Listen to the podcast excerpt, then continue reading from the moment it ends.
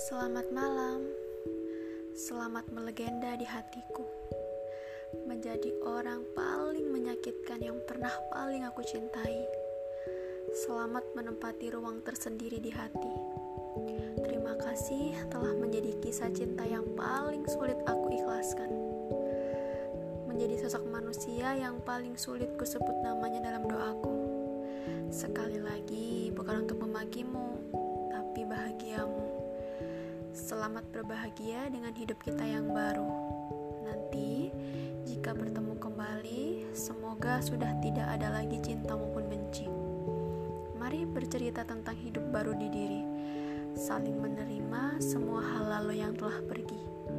Kau tak perlu tahu semua cerita tentang air mata dan jatuh bangunku untuk sembuh dan pulih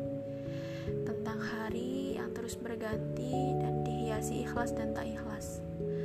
Nanti, jika bertemu lagi, mari menjadi manusia yang sama-sama tahu diri untuk tidak saling menyakiti. Dan teruntuk diri sendiri, tak apa. Suatu saat nanti, jangan takut jatuh cinta lagi pada hati yang tak menyakiti.